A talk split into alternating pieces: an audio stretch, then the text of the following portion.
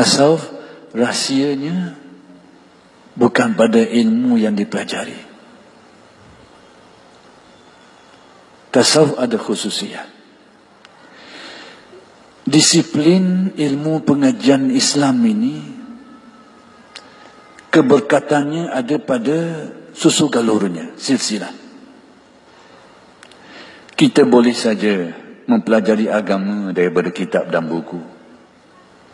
Sekiranya kita ada asas yang kukuh. Baca, faham dengan molek. Dan kita itu dipermudahkan. Boleh faham dengan baik. Tidak salah orang nak belajar solat, nak belajar puasa dengan cara itu. Kalau dia ada kemampuan dan alat yang cukup untuk memahami. Tapi dalam pengajian Islam, ada satu unsur lain. Unsur barakah. Berkat. Yang diperoleh daripada sanat perguruan. Kerana itulah Nabi SAW bersabda, Inna hadal ilma dinun fanzur amman ta'khuz. Ilmu agama ini adalah din agamanya, pegangan hidup, keyakinan hidup, amalan kehidupan, din. Lalu pesan Nabi, fanzur amman ta'khuz. Maka perhatikan dari siapa engkau mengambil ilmu ini? Dari siapa? Dari Google? Dari Yahoo? Atau dari mana? Hari ini ramai orang berguru dengan Google. Ha, Tok Guru bernama Syekh Google. Syekh Yahoo. Dan macam-macam Syekh lagi lah. Itu jadi pening. Dia jadi pening mabuk barang-barang sekali. Tok Guru Google. Syekh Google rupanya. Masya Allah. Ha. Fanzur amman ta'khuz. Perhatikan dari siapa kau ambilnya. Sebab itu dalam bekas mufti Mesir Syekh Ali Jummah ulama besar beliau menjelaskan ada tiga sanad dalam disiplin pengajian Islam ada tiga jenis sanad berarti molek dengan molek pertama sekali sanad ilmu inilah yang lebih penting guru-guru ni belajar dengan guru sebelumnya Gugur ni buat belajar dari gugur sebelumnya. Bertitisan gugurnya itu. Bersambung-sambung pada zaman tabi'in, para sahabat sampai kepada punci asalnya hadrat Nabi Muhammad sallallahu alaihi wasallam. Diajar ilmunya. Berguru. Ini dipanggil sanad dirayah. Kadang-kadang bercampur dengan riwayah. Dia belajar. Ada kalanya diterima hadis secara riwayat.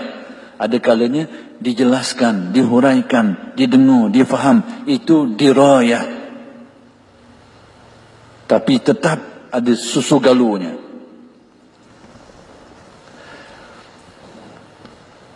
Itu satu jenis sanat, sanat perguruan.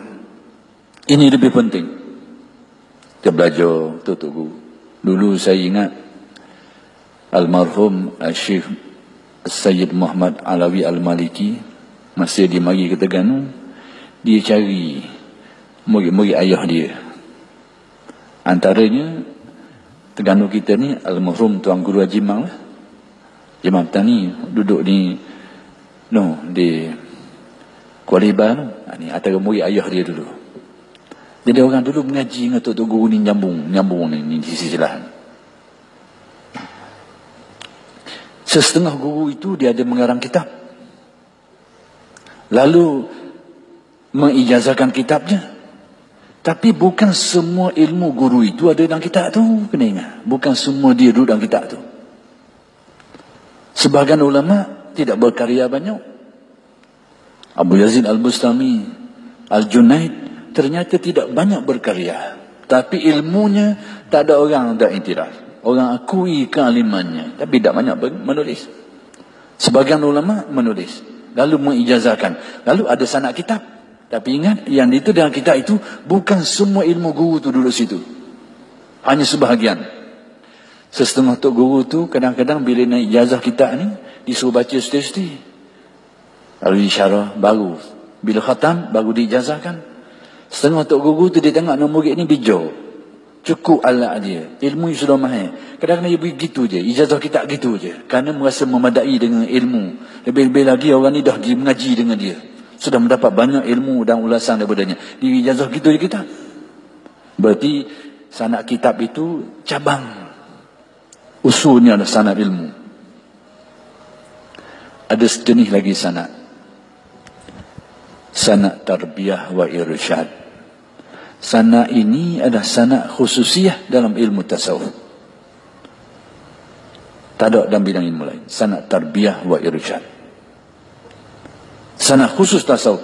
Dan inilah rahsia dan kekhususan tasawuf duduk pada sana ini. Sehingga Syekh Abdul Halim Mahmud di dalam syarah ditulis syarah komentar kepada kitab Al-Ghazali Al-Munkiz min ad-Dalal Ditulis satu kitab lain sebagai komentar. Qadiyatut tasawuf al-munkiz min al-dalal. Dalam mukaddimah ni dia kata, antara syarat-syarat khusus bagi tasawuf, antara syarat tasawuf yang khusus itu, al-intisab ila silsilatin sahihah. Mempunyai nisbah hubungan kerohanian yang benar dan bersambung-sambung daripada seorang guru ke seorang guru sampai kepada empunya asal Nabi Muhammad sallallahu alaihi wasallam. Dan sebelum itu ulama besar dari Mesir juga Al-Qurdi yang kita di Tanwirul Qulub diketulis apa benda? Dia kata ini daripada Syekh Muhammad Amin Al-Qurdi pengarang pada kitab yang agak terkenal Tanwirul Qulub. Dia kata man lam man lam takun silsilatuhu muttasilatan ila al-hadrah an-nabawiyyah fahuwa maqtu'ul faid. Sesiapa yang silsilah rohani itu tak sambung tidak ada titisan perguruan yang bersambung-sambung didikannya. Tapi dah tasawuf yang khusus ini. Kata Al-Qurdi fahuwa maqtu'ul faid dia terputus limpahan rohani yang dengannya rahsia tasawuf tercapai. Ha. Jadi khususiah tasawuf pada sana ini tarbiyah wal irsyad. Bukan pada kitab. Bukan pada kitab. Kitab hanya panduan. Tapi rahsia besarnya duduk pada suhbatul arifin. Belajar berdamping dengan orang soleh, para ulama, menerima pengajian dan didikan daripada mereka itu. Bukan saja ilmu, tapi asuhan daripada mereka itu. Adab daripada mereka itu. Belajar sikit-sikit sampai sempurna. Sebab itu kata Syekh Bahauddin Naqsyaban, aku tidak ambil ilmu tarekat, ilmu tasawuf ni daripada kita. Aku dah ambil dari ilmu itu. Tapi aku ambilnya daripada khidmatil masyayikh. Aku berguru, aku berkhidmat, aku belajar pada guru dari cara itulah aku ambil ilmu ni. Bukan dari kitab atau kitab ni lah. Tidak. Jadi itu khususiah ilmu tasawuf. Ha. Dulu saya cuba, pekat-pekat awal saya belajar ilmu ni, saya cuba nak faham ilmu ni dengan cara ngaji. Dengan cara kita. Bacalah kita tu. Separuhnya pergi ngaji, separuhnya baca. Kita tak sedar, sekali kita jadi syok seorang. Berasa tahu belaka lah itulah. Rupanya kena main di pak hitam belaka. Na'udzubillahiminzalik kita berasa seorang tahu belaka. Tentang kita kata kita ni kata kita ni berasa tahu belaka. Ah rupa-rupanya cak dodo kita rupanya. Kita dah sedar ah kena tipu. Pada waktu itu gambaran saya tak ada tasawuf macam-macam bergantung pada kita awal saya belajar Bergantung pada kitab yang saya baca dan saya belajar. Sekali gitu, sekali gini pula, mana jadi gini-gini ni? Sebab kitab yang ditulis ulama itu hanya mengandungi sebahagian ilmunya. Sebahagian ilmunya. Dan intipati besar tasawuf tidak duduk di situ. Itu hanya panduannya. Sehingga ada siapa satu masa itu bila kita mengaji kita rasa guana payuh nak jadi tok wali ni main dok tidur malam lah main dok makan lah. Sebab apa kita baca kita-kita oh, sebut kisah-kisah wali ada tidur malam. Hodok tidur malam, hodok makan. Jadi mari dalam fikiran kita, ai berat ni, gelak gambar nak jadi tu wali ni. Payuhnya main dok tidur malam, ai berat. Ah, ni mari kita pula dah. Macam-macam mari.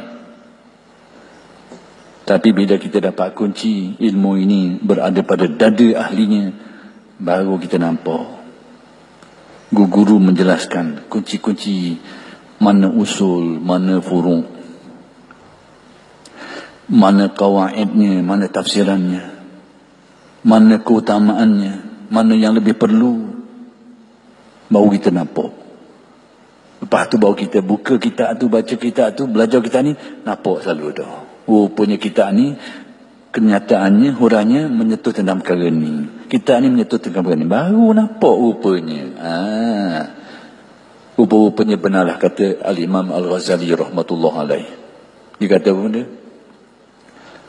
Aku ketika aku mula nak belajar tasawuf ni aku telah meneliti hampir keseluruhan kitab-kitab tasawuf yang ada pada zaman aku pergi belajar aku baca habis belajar aku kaji habis peninggalan-peninggalan Al-Junaid dan Rasailnya. Peninggalan Abu Yazid Al-Bustami dan tokoh-tokoh tasawuf Abu Tadi Al-Maki, Kutul Kulubnya. Aku baca perabi. Aku belajar perabi. Tapi kata Ghazali, setelah aku meneliti, semua ni, aku dapati ada sesuatu yang tak dapat dimiliki dengan cara kita-kita ni. Ha, itu kesimpulan daripada Ghazali aku mendapati bahawa rahsia tasawuf ni ada benda yang tak ada dalam kitab kita ni. Diperolehi dengan cara lain. Bukan dengan cara itu. Dan telah ditempuh jalan ini oleh Al-Ghazali berjaya, berhasil. Pada waktu dia tempuh perjalanan inilah dia menulis kitab Ihya Ulumuddin. Yang hari ini orang nilai macam-macam. Banyak ahli do'eh lah, itulah.